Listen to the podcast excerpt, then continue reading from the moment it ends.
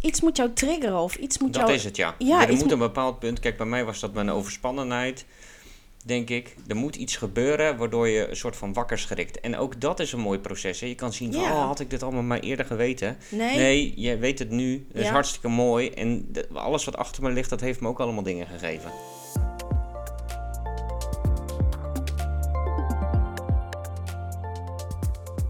Hoi, welkom. Wat leuk dat je naar ons luistert. Wij zijn Odilia en John en samen met onze kinderen Ilja en Eli gaan we op reis.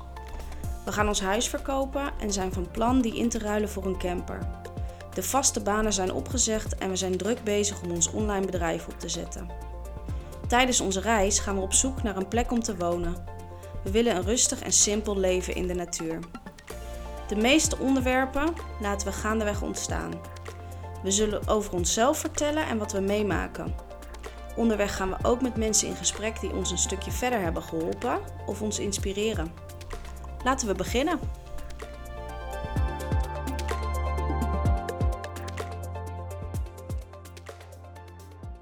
Nou, goedemorgen, middag of avond. Afhankelijk van wanneer je dit luistert. Wij willen het vandaag gaan hebben over eh, nou ja, wat we afgelopen weekend gedaan hebben. We zijn even weg geweest. Dat was wel wel lekker om wat dingetjes op te ruimen in ons hoofd. En gewoon lekker ook om gewoon even te ontspannen. En een van de dingetjes waar we toen eh, over gehad hebben is het, eh, het ego. En daar willen we vandaag wat eh, dieper op ingaan. Maar misschien kan jou, Dilia, al wat eerder wat vertellen over ehm, wat we afgelopen weekend gedaan hebben. Ja, zeker, dat kan ik. We zijn lekker een weekendje weg geweest. Of het was niet echt een weekendje, maar wel, zo voelde het wel, want het waren twee dagen. Sowieso eigenlijk heel bijzonder, want ik kan me niet meer herinneren wanneer wij twee dagen samen weg zijn geweest. Natuurlijk met die kleintjes is het gewoon best wel eens af en toe dat je een avondje even weg kan, maar niet, eh, niet heel vaak. Dus dit was echt wel heel erg fijn om even weer helemaal tot rust te komen en eh, tot elkaar te kunnen komen. Ehm, hebben we lekker een hotelletje gepakt met een sauna erbij. En dan eh, vinden wij het heerlijk om echt van ochtends vroeg tot avonds laat ritueel rond te maken. En tussendoor lekker gewoon te lezen, eh, te kletsen en te luieren, wat te eten, te drinken. Ja, we waren als eerste binnen en gingen als Ja. laatste weg hè, in de sauna. Ja. Alles uitgespeeld. Ja, dat vinden wij wel echt eh, heel fijn. Ja. Nou ja, en een van de dingen waar we nou ja, best wel veel over hebben gekletst en eh, waar jij over hebt gelezen en waarin je hebt voorgelezen, was het ego. En je hebt natuurlijk een hoop mensen die daarover schrijven. Ehm, in dit geval was jij volgens mij bezig in het boek van Eckhart Tolle, hè? Ja, Ja. Eckhart Tolle, eh, New Earth of eh, De Nieuwe Wereld. Ja. Hij was in het Engels, was die de helft goedkoper, dus daarom had ik hem in het Engels. Alles om de kleintjes. Ja, alles. eh, we moeten een beetje op de kleintjes letten. Ja, dat was wel heel interessant, vond ik. Want ik, eh, nou ja, sowieso sinds mijn overspannen periode heb ik veel gelezen, meer.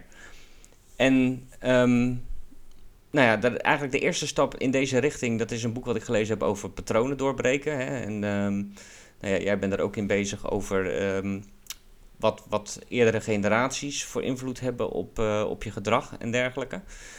En Eckhart Tolle, nou dat boek ging dus eigenlijk over het ego. En dat vond ik een hele mooie... Nou, daar landen eigenlijk heel veel van dingen waar ik al over gelezen heb. En ehm, waaronder dat ons ego ervoor zorgt dat we ons identificeren met onze gedachten en emoties. En ehm, dat in de wereld een woord waar het heel veel over gaat is het woord ik. Ehm, en dat is dan je identiteitsgevoel. En, ehm, nou, en dat kan zich uit op verschillende dingen. Ehm, hoe we op anderen reageren. Als iemand iets doet waar wij met emotie op reageren, van hoe jij reageert op iemand anders, dat heeft meer te maken met jezelf dan met de ander. Vond ik altijd een beetje een dooddoener. Ik denk van ja, wat bedoel je daar nou mee? Maar het is dus eigenlijk, stel je hebt een hork van een leidinggevende, eh, die pakt je op een bepaalde manier aan, daar word jij heel boos van. Eh, die boosheid is van jou, dat is niet van die leidinggevende. Wat het ook kan zijn, is een bepaalde rol die je hebt of een beroep. Dus ik ben eh, politieagent, dus ik vind orde en belangrijk. Je identiteit, je kan het ook hebben als ouder, door je identiteit heel erg te hangen aan je kinderen. En wat denk ik een probleem is in de huidige maatschappij, is dat ego vooral heel erg geassocieerd wordt met dingen als mij en mijn, dus spullen.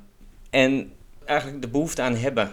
En eh, op het moment dat je dus iets hebt, dan komt daar vervolgens wel weer een nog meer hebben uit voort. En dat, is, eh, nou, dat kan dus zijn in spullen. En ik denk, als ik voor mezelf spreek, heb ik ook wel zo'n fase gehad. en dat wordt dan een soort van de, nou ja, een soort van drijfveer, wordt dat dan. Je identiteit. Ja. Een En, verlengstuk van jezelf. ja, en het gevaar daarvan is, is dat het lichaam niet het verschil kan zien tussen een gebeurtenis en een gedachte. Nee. En daarom wordt dus elke gedachte die je opkomt, dus ook behandeld alsof het echt is. Hè? Dus je denkt echt vanuit ehm, nou ja, dat je dat echt nodig hebt. Ja. En, ehm, nou ja, en op het moment dat dat iets negatiefs is, hè, om naar eens terug te gaan naar die leidinggevende, dan wordt het ook een soort van visueuze cirkel waar je in komt. Ja. Dus het gaat dan terug, nou het zuigt je naar beneden. Je gaat er ook extra op letten. Ja. Eh, Je gaat je er ook naar gedragen op je gaat je er ook naar gedragen Ja. eigenlijk, ja. ja.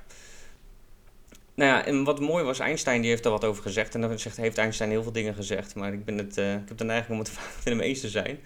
Maar die zegt, het ego is eigenlijk een soort van optische illusie van bewustzijn.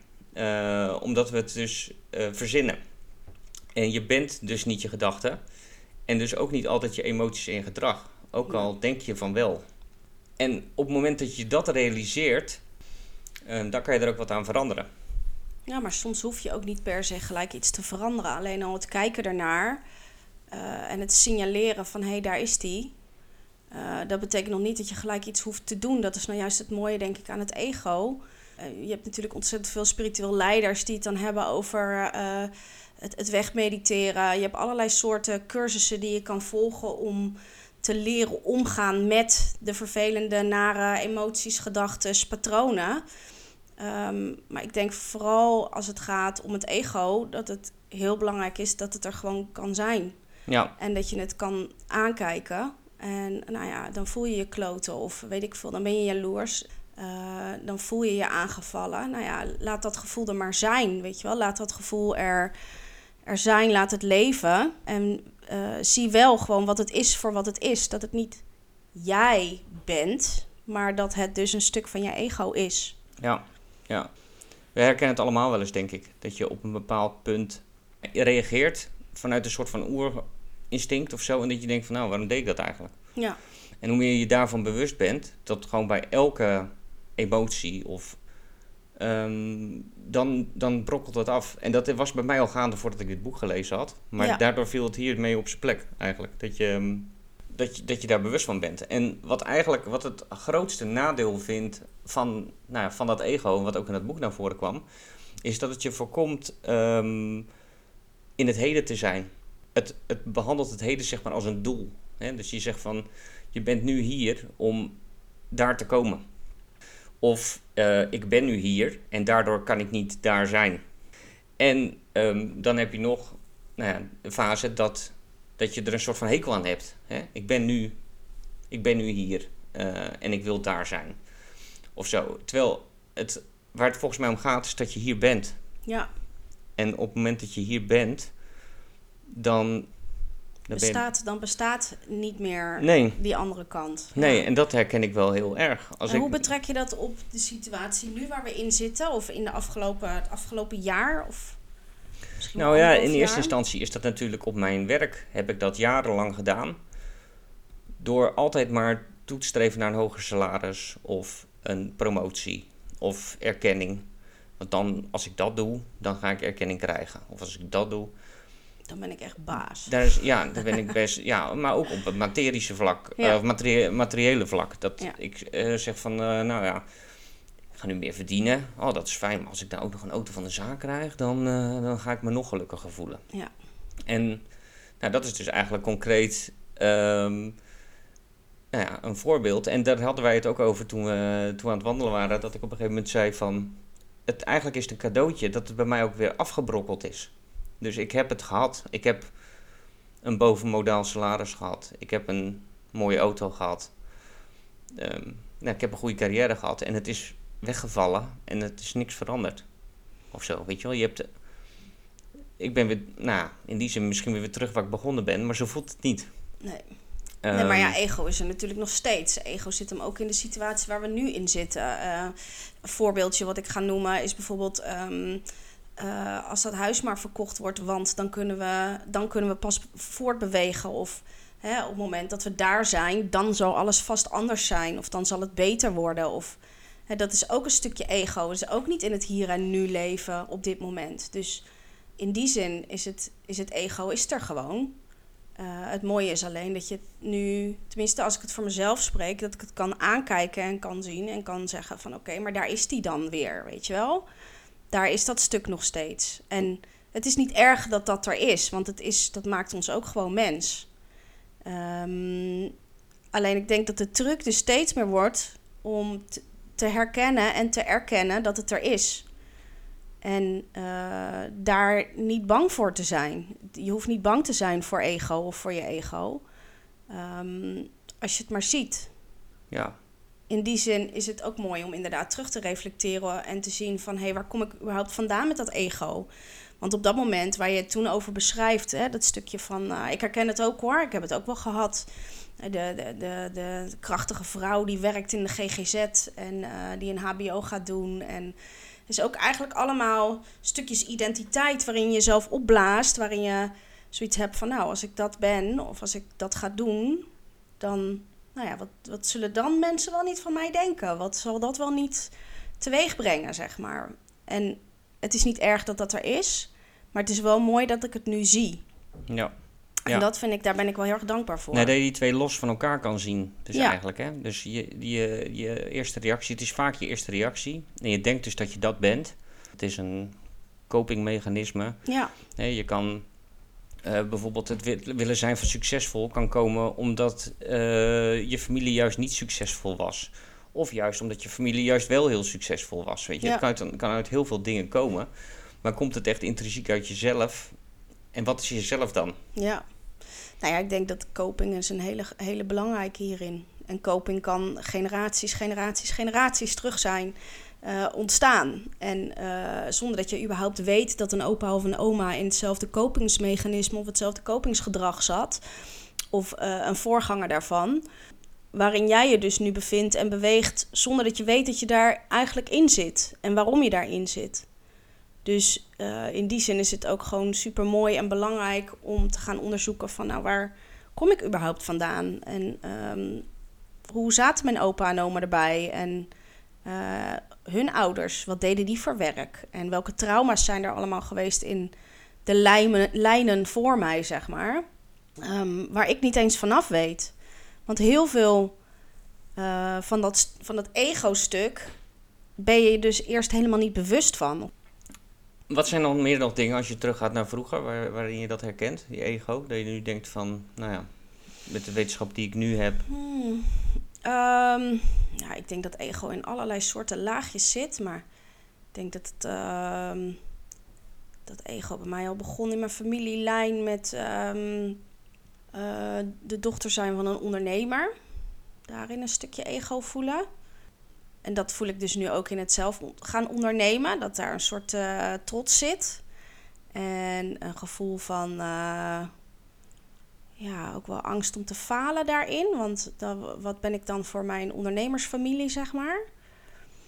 Um, nou, de dochter zijn van um, twee ouders die wel heel erg bezig waren met alternatieve leef leefwijzes. Uh, dus het, daarin bijzonder zijn. Ik heb altijd op vrije scholen gezeten, dus andere soort scholing gehad. Merk ik ook nog steeds in mezelf dat ik dat nu belangrijk vind dat ik anders ben dan anderen, zeg maar. Dus dat is ook nog een stuk ego wat er gewoon zit. Ja. Dat kijk ik gewoon aan. Weet je wel, dat, dat zit daar.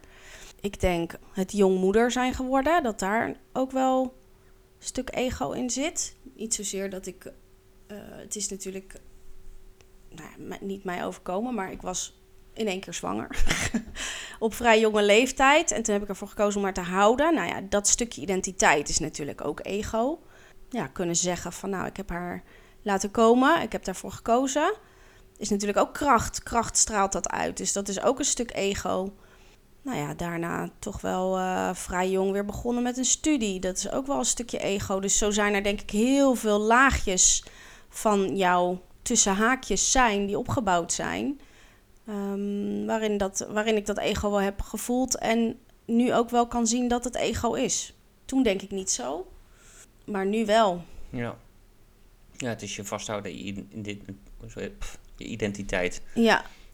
Um, ja, het is je stukje eigen, dat ben ik. Ja, of zo. ja. Want dat is nou eenmaal hoe ik eh, bepaalde dingen of stappen gezet heb of wat me Ja, overkomen is. een rol die je dan heeft, hebt aangenomen. Die je daarin... eh, Terwijl dat, dat hoeft, volgens mij hoeft dat helemaal niet. Ik denk dat de ehm, ultieme vorm van vrijheid, en zo voelde dat op dat moment niet, is dat ik op een bepaald punt helemaal niet meer wist wie ik was.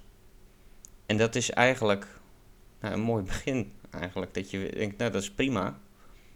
Want vanaf dat punt kan je dus gaan doen wat je nou, wat het beste voelt, eigenlijk. Ja, maar hoe weet je wat het beste voelt dan? Want als jij iets voelt, is dat dan je coping? Of is dat je ego? Of wat is dat? Wat is dat?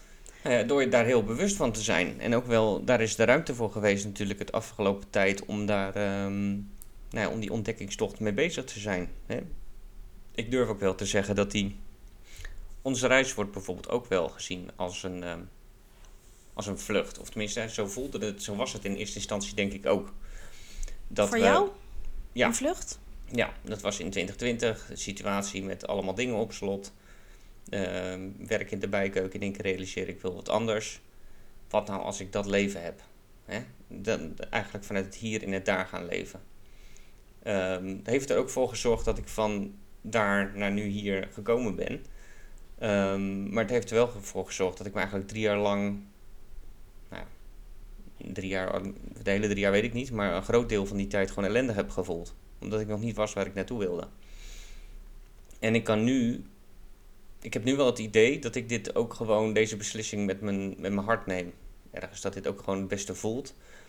En dat ik ook gewoon, nou ja, in deze situatie ook nou meer vrede zou kunnen hebben. Of andere, andermans gedrag beter zou kunnen hebben. Als ik nou terugkijk naar situaties die ik in het verleden bijvoorbeeld in mijn werk gehad heb. Daar zou ik op een andere manier mee omgaan. Nu. En dan was het ja, was ik dan überhaupt op die werkplek gekomen, bijvoorbeeld? Weet je wel, Eh, was ik nu weg geweest? Dus het is daarom, wat je net ook zegt, het heeft ook een functie, eigenlijk. Het is ook niet erg dat het er is. Het hoeft niet altijd iets slechts te zijn. Het heeft ons gebracht waar je, bent eigenlijk. En het is, nee, goed, gewoon om, om je daar bewust van te zijn. Te onderzoeken waar het vandaan komt, is nog een bonus. Ik denk de basis is gewoon je te realiseren en gewoon goed na te denken. En ook in je reactie naar anderen. Dus als je je irriteert aan iemand, of eh, nou ja, jij komt wel eens met een eh, heel ambitieus idee, waar ik in de eerste reactie vaak, dat ik soms nou wat langer de tijd daarvoor probeer te nemen. Om nou te analyseren van nou ik krijg dat gevoel wel, maar is dat nou het beste als ik nou gelijk vanuit het gevoel spreek? Of moet ik het even laten, moet ik het even laten sudderen? En waar komt het nou vandaan? En vind ik dat nou echt? En dan kom ik er heel vaak achter dat ik in bepaalde situaties soms wat eh, strikter reageer dan, dan, ja, dan je zou verwachten. En ik kom natuurlijk ook vanuit Welk een... stukje van dat ego is dat dan? Want eigenlijk is dat ook ego, toch? Ik heb ook niet het idee dat dat bij mijn ouders per se vandaan komt.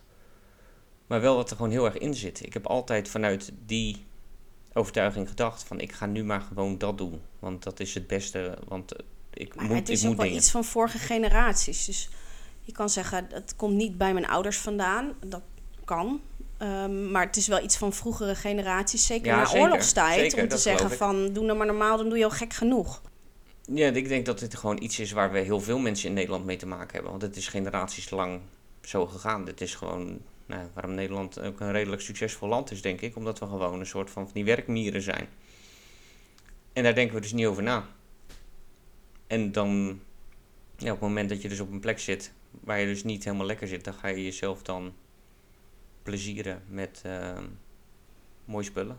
Ja, of verdoven met drank of alcohol. Ja, bedoel, Ze zijn allemaal ook kopingsmechanismes die heel erg horen bij het ego. klopt. En die, eh, eh, die gewoon even lekker eh, verdoven. Ja. Waardoor je niet meer hoeft te zijn met dat ego en hoeft te voelen.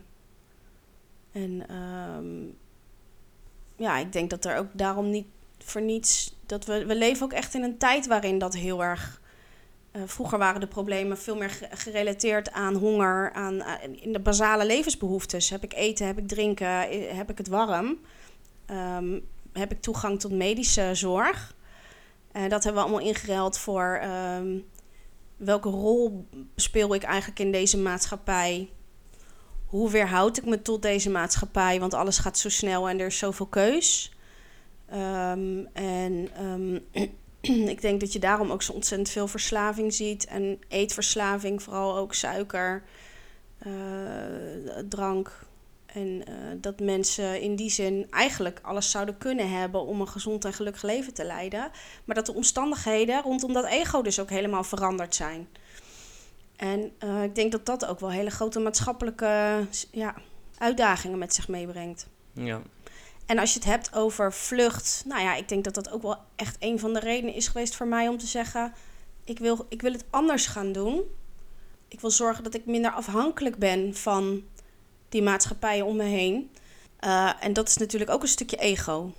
Dat is ook een stukje, ik wil het zelf doen. Uh, ik wil zorgen dat ik het op mijn manier kan doen, op mijn voorwaarden.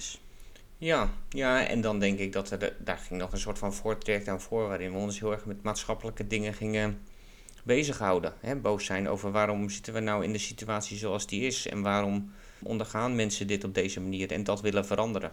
En dat, denk dat hebben we al ergens losgelaten. Um... Nou, ik kan het er nog steeds, kan er nog steeds maar af en toe wel een beetje kwaad om maken of druk hoor. Ja. Jawel. Ik had toevallig laatst nog met een vriendinnetje daarover dat ik af en toe dan mijn Braveheart strepen weer op mijn gezicht heb getekend. En dan uh, ga, ik er weer, ga ik er weer op in. Maar uh, die strepen die probeer ik wel te zien nu. En uh, oh ja, ik gum ze er weer even af, weet je wel. Ja, maar want het brengt je eigenlijk zo veel weinig. Dat is ook weer wat ik uit een ander boek heb gehaald van Osho die eigenlijk zegt: uh, als je wil rebelleren of je voelt, ja, je zit in een systeem waar je niet in thuis voelt, dan kan je inderdaad dan kan je gaan protesteren. Uh, je kan uh, posters ophangen. de hele wereld proberen te overtuigen van jou gelijk. Maar gewoon de krachtigste vorm van rebellie is gewoon op te staan en gewoon eruit te stappen. En dat gewoon. ja, en, dat, en, en, dat hoeft niet, en dat hoeft niet met heel veel geschreeuw. Dus daar hoef je niet per se een hele Instagram-pagina en een podcast voor op te richten in principe. Maar, um, kan wel. Kan wel. Die heb je ook nodig, want dat kan andere mensen weer aanzetten tot het nadenken over het ego en waarom we doen wat we doen en hoe het systeem eruit ziet. Dus ik geloof ook niet dat het zo zwart-wit is dat het niet hoeft, zeg nee, maar. Nee, maar het is eigenlijk, um, nou ja, gaat, gaat het gewoon voor jezelf een plekje geven. En dat is goed genoeg. We hebben altijd maar het gevoel, dat is ook het ego, dat we de hele wereld moeten veranderen. Of, zo, of dat we de hele wereld kunnen veranderen. Ja, of dat wij het wel weten. Of dat wij het wel weten. Hè? Dat, ja, precies. En dat weet je ook helemaal niet. Wat ook wel leuk is om te vragen is, um, hoe zie jij het ego in onze relatie? Nou ja, ik denk uh, ego en relaties is misschien wel een van de lastigste dingen. En dan heb je het over liefdesrelaties, maar ook gewoon vriendschappelijke relaties, relaties aan zich. Want er wordt natuurlijk ontzettend veel aangeraakt in dat ego. Uh, in contact met anderen. Dus ik heb een hele tijd uh, heb ik me afgevraagd. Uh, ik heb, ben nooit heel erg verliefd geweest op jou. Ik hou ontzettend veel van je. En we hebben een mooi leven. Maar ik heb nooit echt die vlinders gevoeld. En dat mega, dat gevoel. En dat ken ik wel vanuit vorige relaties. En daarin heb ik dus ook wel gezien dat ego in dat soort relaties veel meer verweven zit. Want in relaties waarin je dat enorm voelt, heb je dus kan je hele diepe down gevoelens hebben van iemand wil mij verlaten of ik ben bang dat diegene een ander vindt of ik ben bang of uh, ik ben jaloers, weet je wel. Dus daarin kan je hele diepe downs hebben, maar ook hele hoge ups. Het, het gevoel van wij samen tegen de wereld, de Bonnie en Clyde gevoelens, de, de mega, mega verliefde, uh, ik wil nooit meer zonder jou, uh, anders ga ik dood gevoelens, zeg maar.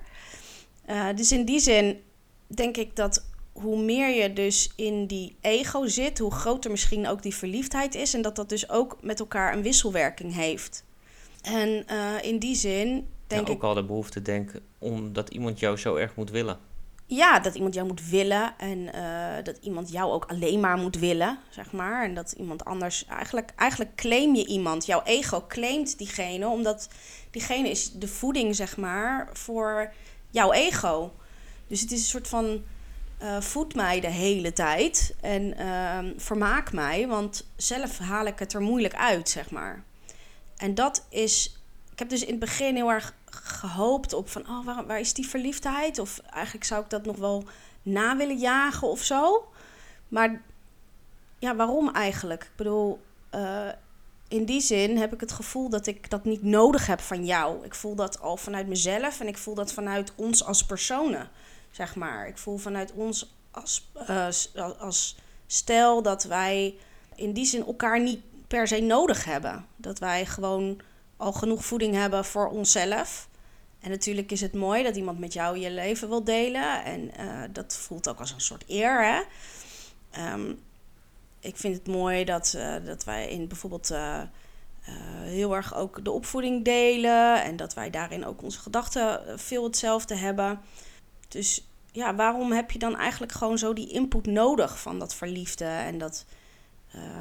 Steeds meer begint die realisatie te komen dat dat dus eigenlijk wel oké is. En dat het dus mooi is dat wij dat stuk ego niet zo nodig hebben bij elkaar. Dus dat we elkaar ook los kunnen laten en vrij kunnen laten daarin. En kunnen gunnen.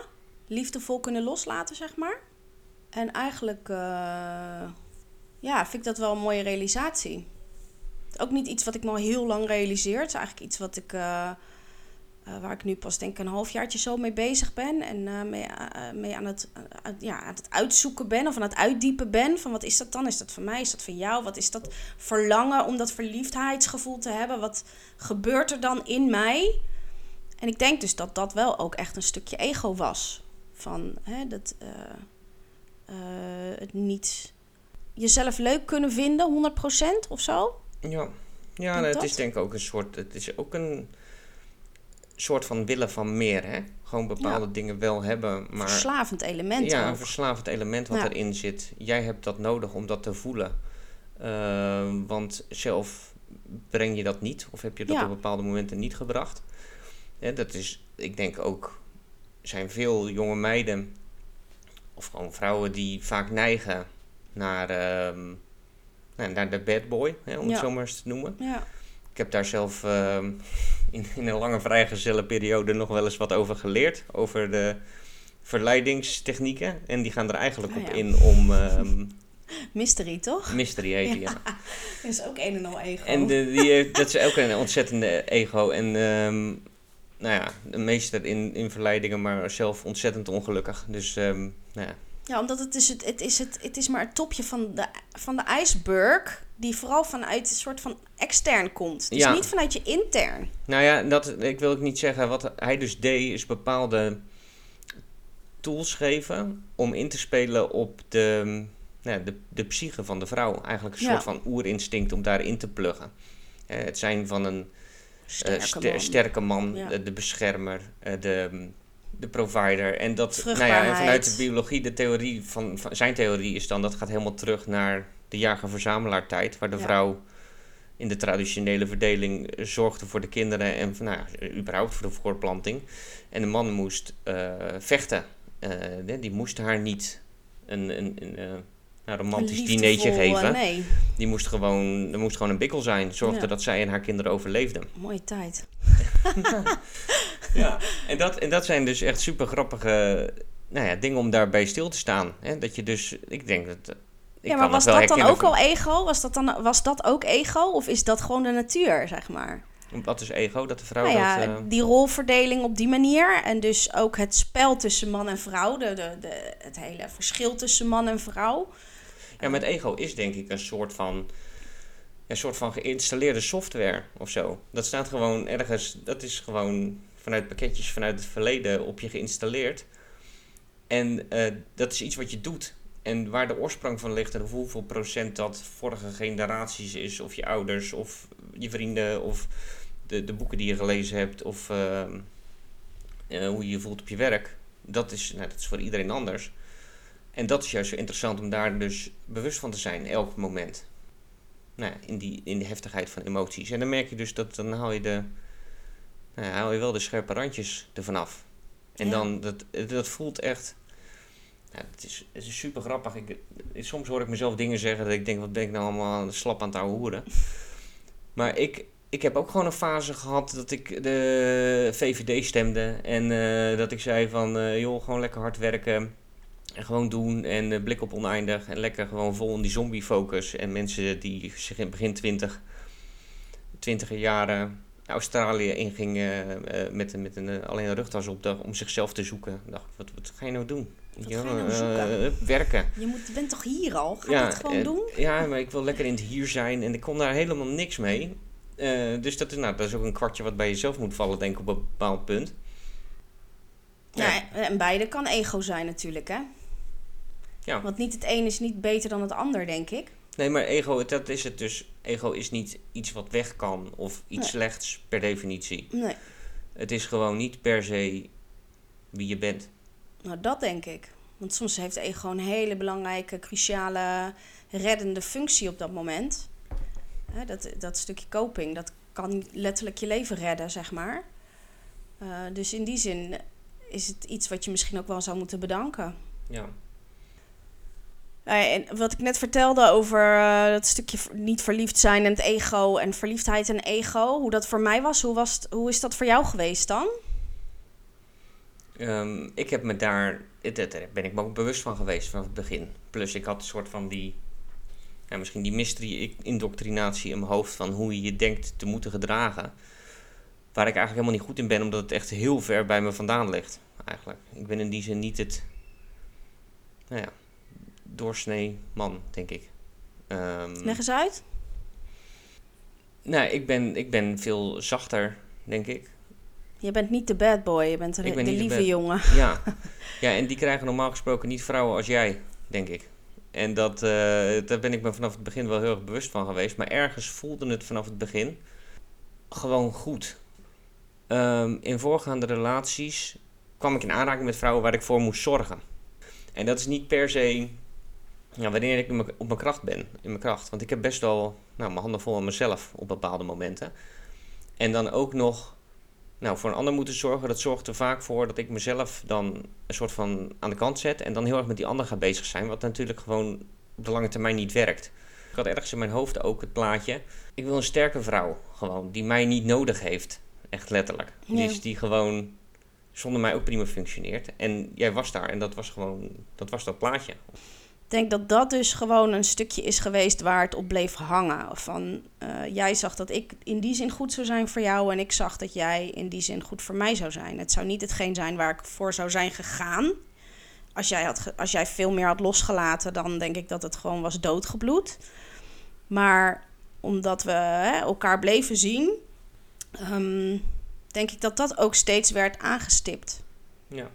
ja, en per se goed voor het ego was het niet. Dat is niet um, om in zo'n soort van relatie te zitten in het begin. Ja, voor mij was het wel heel lekker voor mijn ego. ja, misschien was dat wel de reden waarom je bleef plakken. Dat kan ook, ja. ja. Je bleef gewoon hangen. En dat is natuurlijk ook wel heel lekker voor je ego. Dat iemand gewoon zoveel moeite voor je doet. Dat is natuurlijk ook wel lekker. Ja. Ja, ik noem altijd wel graag een momentje. Er was één zo'n momentje dat ik echt voor mezelf met overtuiging de keuze had gemaakt van het is klaar. Ja, die was lekker voor jou, ego. Ja, en toen, en toen ik jou zag met echt met hangende pootjes en met, echt met een, toen had je een blik in je ogen, die had ik nog niet eerder gezien. En toen dacht ik toch van ja, ja, ja het zit er toch. En, uh, ik herken die hangende pootjes Nee, maar dit verhaal heb ik wel vaker verteld, maar ik heb ze echt gezien. Ja? Ja, ik heb ze echt gezien. Het was uh, aanhankelijk. Uh, ik weet het moment nog wel. Toen gingen we sushi eten bij de snelweg. Ja, gingen We, hebben we zo'n geluidswal en dan gingen we dan Lekker chillen. In het avondzonnetje sushi eten. Uh, nou ja, heel romantisch. Heel veel ego. ja. Mooi dingen, dat ego. Wat zouden we er zonder moeten? Dat, het, het, is ook, het bestaat gewoon zowat niet. Want je, ik denk, dan kom je uit op verlichting. Maar is nou- verlichting niet ook gewoon keihard ego? Kijk, maar eens verlicht zitten zijn hier. Dat, nou ja, dat heb ik ook, dat heb ik ook me af zitten vragen. Kijk, op het moment dat jij... Um, dat je dus alle ego wegvalt of zo en, en je laat alles maar zijn, dat, dat voelt voor mij ook een soort van onverschillig, weet je wel. Moet je je dan maar niet meer druk maken om dingen, maar dat is het niet. Kijk, op het moment dat jij, een heel stom voorbeeld, maar jij zit in een restaurant en jij krijgt een, uh, een, uh, een biefstuk die echt helemaal compleet doorbakken is, dan mag jij daar wat van vinden en wat van zeggen. Want deze is compleet doorbakken. Maar je gaat niet zeggen, wat flik je mij nou, dat je mij zo'n doorgebakken biefstuk geeft. Uh, het is iets. Nou ja, je kan daar iets. Je kan bepaalde dingen erin constateren, maar wees er bewust van als een bepaalde situatie zich voordoet, um, waar die reactie vandaan komt. Ja. Ja, ja en, en als, dan heb je het denk ik, want dan heb je het over een vrij simpel voorbeeld. Maar op het moment, ik denk dat angst is misschien wel het allergrootste stukje ego en eh, verdriet. Hoe noem je een voorbeeld van hoe angst een eh, voorbeeld van ego kan zijn? Nou ja, bijvoorbeeld eh, eh, bang zijn dat je partner bij je weggaat als er bepaalde dingen wel of niet gebeuren. Dat, dan, dan komt daar natuurlijk ook een stuk. Dat is ook een stuk ego van blijf bij mij. En dan bijvoorbeeld vanuit angst gaan manipuleren of, of eh, bepaalde dingen gaan inzetten om toch die angst zeg maar niet bevestigd te krijgen. Ook dat is een stuk ego. En ik denk dat dat nog wel een stuk intenser is. En hoe ingewikkeld is het om dan gewoon die angst aan te gaan kijken en te zeggen van oké, jij bent hier. Eh, ik laat je er even zijn, want blijkbaar moet je hier even zijn nu. Ja, En ehm, zeg niet dat je dan de hele tijd daarin moet blijven hangen. Het is ook gezond om eh, jezelf af te leiden en dan, eh, weet ik veel, even weer uit dat moment te komen. Maar je realiseren dat dat stukje ego er is en dat die angst op dat moment speelt. Ja, ik denk dat dat wel de sleutel is. In plaats van het weg willen stoppen, hè? want dat is heel erg menselijk. Het dan, nee, en ik heb daar geen last van. En eh, ik ben bikkelhard en weet ik veel wat allemaal. En eh, je moet maar lekker doen en interesseert me allemaal niet. Of juist Ja. die hele andere kant hysterisch gaan doen. Nee, gewoon het proberen op dat moment te zien dat het er is. Dat is denk ik al heel, heel knap. Ja, en het is ook heel mooi. Dat vind ik ook een van de mooie dingen eraan. Op het moment dat je je bewust van wordt bij jezelf, is het ook heel bijzonder om het te zien, eh, om bewust te worden bij anderen. Ja, En dat werkt echt ontwapenend. ja, Als je iemand dat ziet doen, daarover nadenken. Van waarom doet diegene dat? En denk je van, oh, maar daar ligt dat en dat de grondslag aan. En dan, dan verzacht dat de situatie ja, eigenlijk. je haalt het van het mens af. Weet je Ja. wel, het is niet meer, het is, het is het gedrag, het is het stuk ego, het is niet meer het mens. En dat zegt natuurlijk niet dat je altijd alles maar goed moet praten en zo, hè, want er zijn bepaalde dingen die gewoon, eh, die jij niet hoeft te pikken als persoon, Ja, maar eh, om dat dan los te koppelen van dat persoon, dat kan inderdaad heel ontwapenend werken. ja, dat iemand, iemand legt dat op een bepaalde manier op jou iets bij jou neer, wat jou heel erg triggert. Eh, en je realiseert waarom diegene dat doet, dan triggert het ook niet meer. Nee, Of in ieder geval een Minder. stuk minder. Ja, het is eigenlijk het trucje wat we allemaal bij kinderen toepassen. Het, eh, eh, ja, je moet het kind niet afvallen, maar het gedrag mag je zeg maar wat van vinden. Mhm. Dat is eigenlijk gewoon precies dit stuk wat we bij ons als volwassenen misschien dan meer hebben losgelaten of dan niet meer doen omdat we volwassen zijn. Dus dan zouden we het allemaal moeten weten. Ja. Ehm, maar bij kinderen doen we dat wel. Dan ga je ook niet zeggen, jij bent een sukkel, want dit en dat en zus en zo. Dan zeg je ook van, joh, lieverd, het is niet zo handig om dat glas daar neer te zetten naast die laptop. Want dit, het gedrag, niet zozeer jij. Ja. ja. En zo zou je dat op jezelf moeten kunnen toepassen, denk ik. En ook dus op je omgeving. Dat zou het mooiste zijn. Die benadering proberen we wel op kinderen toe te passen, wat je zegt. Ehm, door, nou, door dat gedrag los te koppelen. Waarom kunnen we dat niet bij volwassenen? Omdat we als volwassenen dus onszelf hebben wijsgemaakt dat wij dus al alles moeten weten. Ja. En dat we dus eh, dan. Dus de en als jij dus alles moet- weet, dan kan ik jou dus ook alles weten. Ja, dan kan ik jou dus aanspreken op alles wat jij moet weten. Moet je toch weten? Dat hoor jij toch te weten, John? Want jij bent toch een volwassen vent? Ja. Dat. Ja. Ja, in plaats van, nou ja, jij hebt ook gewoon stukjes ego daarin. eh, ja, en iedereen weer zijn eigen trots en ego waarin die dat, nou, Ja. sommige dingen ook verbloemt. Of ook niet Tuurlijk, ja. zichzelf blootgeeft. Stukken pijn, stukken trauma, stukken verdriet. ehm, aangeleerd gedrag, noem het allemaal maar op. Het zit Ja. er allemaal onder. Ja, dus het begint bij een stukje kwetsbaarheid, denk ik. Je kwetsbaar opstellen en dan eh, nou, dat ook durven hè, naar anderen. Openheid, uitleggen ook, durven uit te leggen waar iets vandaan komt. Ja. Ja, ik heb daar nog, eh, we hebben nog wel iemand ontmoet. Ik denk afgelopen zomer, daar hebben we het ook over gehad. Waarin we dat heel erg eh, vonden. Of Ja. zo, dat we echt een soort Nou, van... vinden. Of vinden. Gewoon, Ja. ont- gewoon zo'n ontwapende kwetsbaarheid waarin iemand zelf gewoon hardop zijn gedachten op een rijtje zet.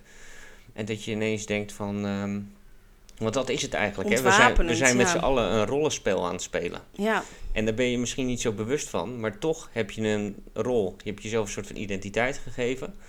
En denk van, nou, dit kan ik wel tegen die zeggen en dat niet tegen nou, iemand anders. Terwijl, ehm, ja want dat, dat levert dit of dat of dat op voor mijn ego. en op een gegeven moment word je je rol. Ja. Maar, ehm, nou ja, eh, als je het hebt over het ego, wat, wat zijn daarin voor jou, wat ga je nu meenemen, zeg maar, hieruit? Want jij bent, jij bent, ik vind dat vind ik altijd wel mooi, jij bent echt een lezer. En dan dus vanuit dat lezen gaat er bij jou van alles ratelen of zo? Ja, ik heb, ik heb heel veel boeken gelezen. Ook sommige boeken alleen de eerste twintig bladzijden. Maar boeken die me pakken, die lees ik echt in, eh, in een dag of twee uit. En dat brengt me dan weer naar een soort van een volgend stapje. Of zo. Dus dan denk ik van, eh, nou vanuit dat, dan leer ik over een nieuw onderwerp en dan ga ik daar een boek over lezen. Ehm, dat heeft wel een tijdje stilgestaan de afgelopen tijd, omdat ik juist nou, ja, dacht van, eh, ik ben weer genezen, ik doe het weer. Ehm, Hallo ego. ja, ik, ik, heb mezelf weer op de rails gezet. Maar dit is dus, ehm, ja, ik vond dit wel een heel bijzonder boek en daarom is het ook ja, het is gewoon een soort van reis. Zo moet je het leven denk ik ook zien. En soms komen dingen op je pad en voelt het goed.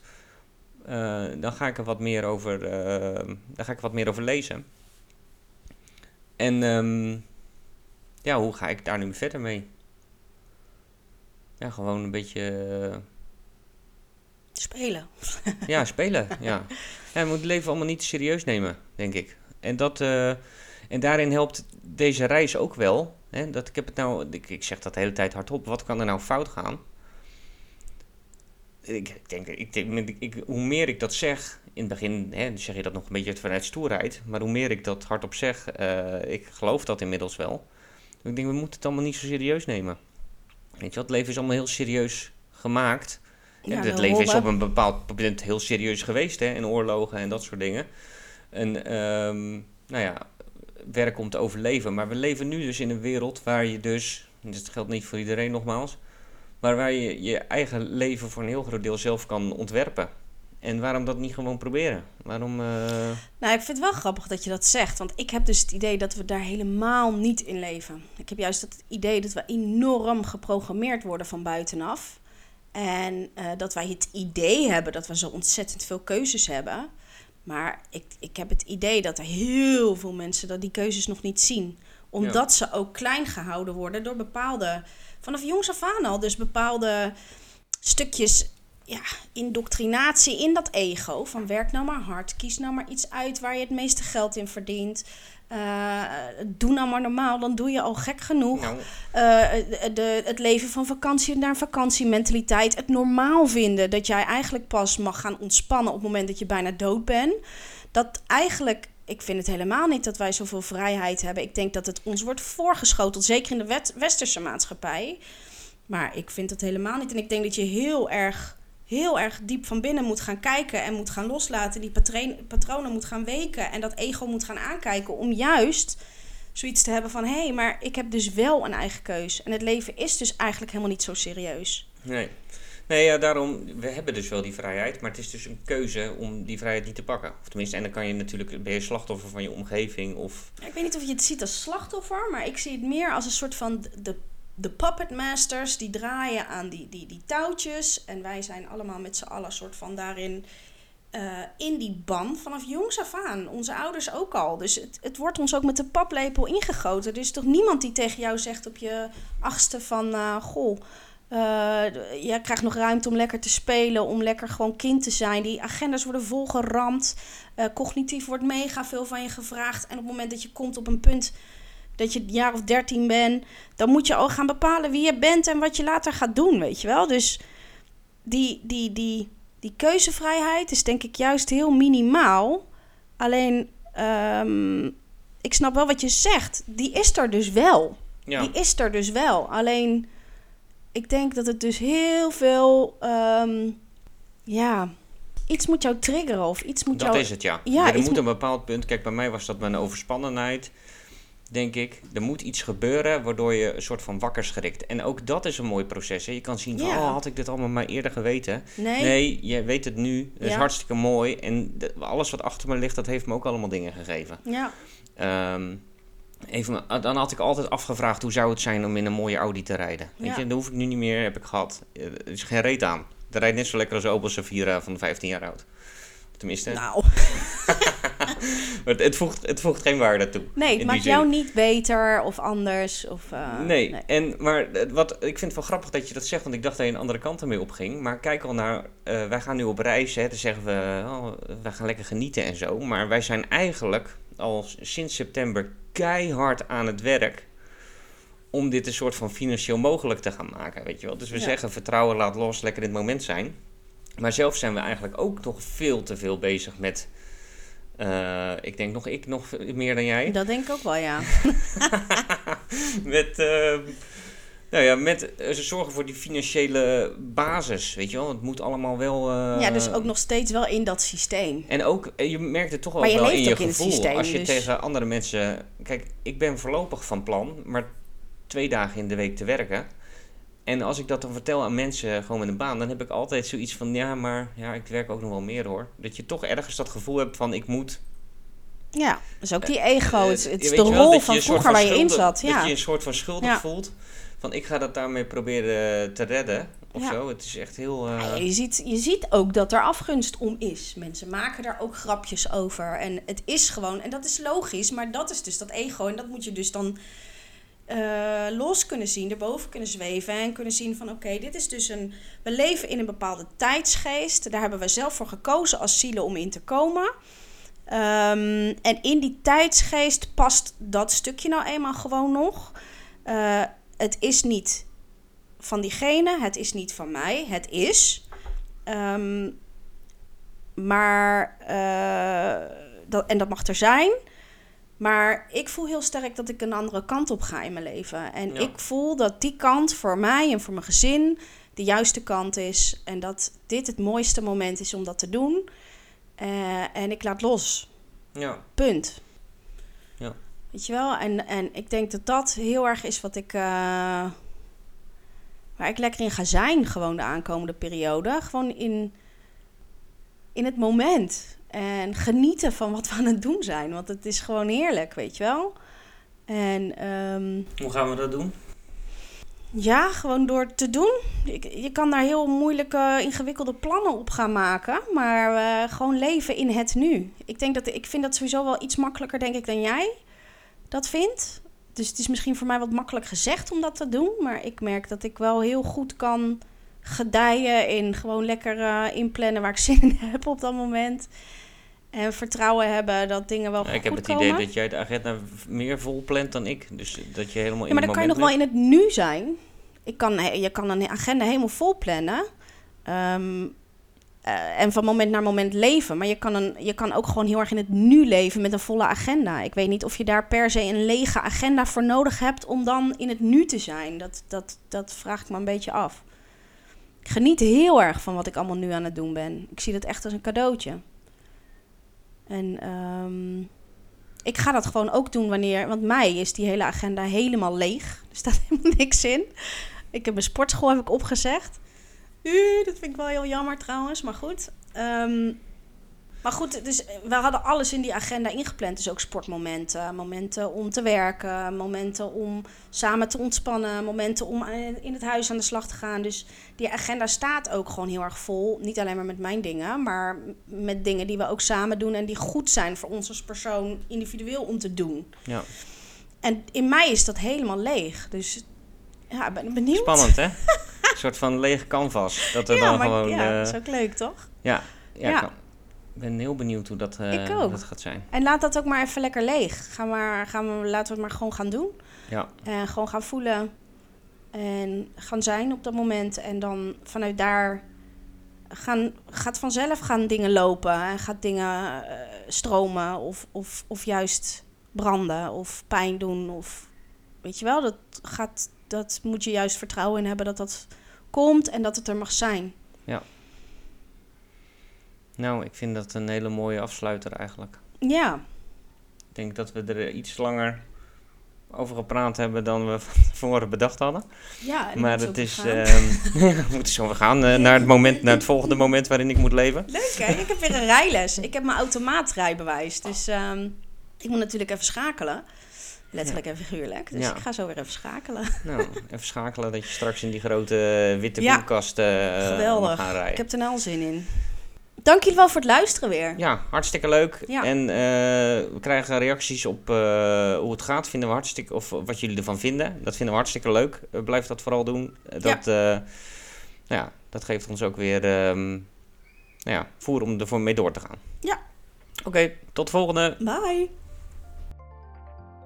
Leuk dat je hebt geluisterd naar onze podcast. Laat je ons weten wat je ervan vond. Je kan ons volgen op Instagram at WeMoveToGrow. Tot de volgende keer.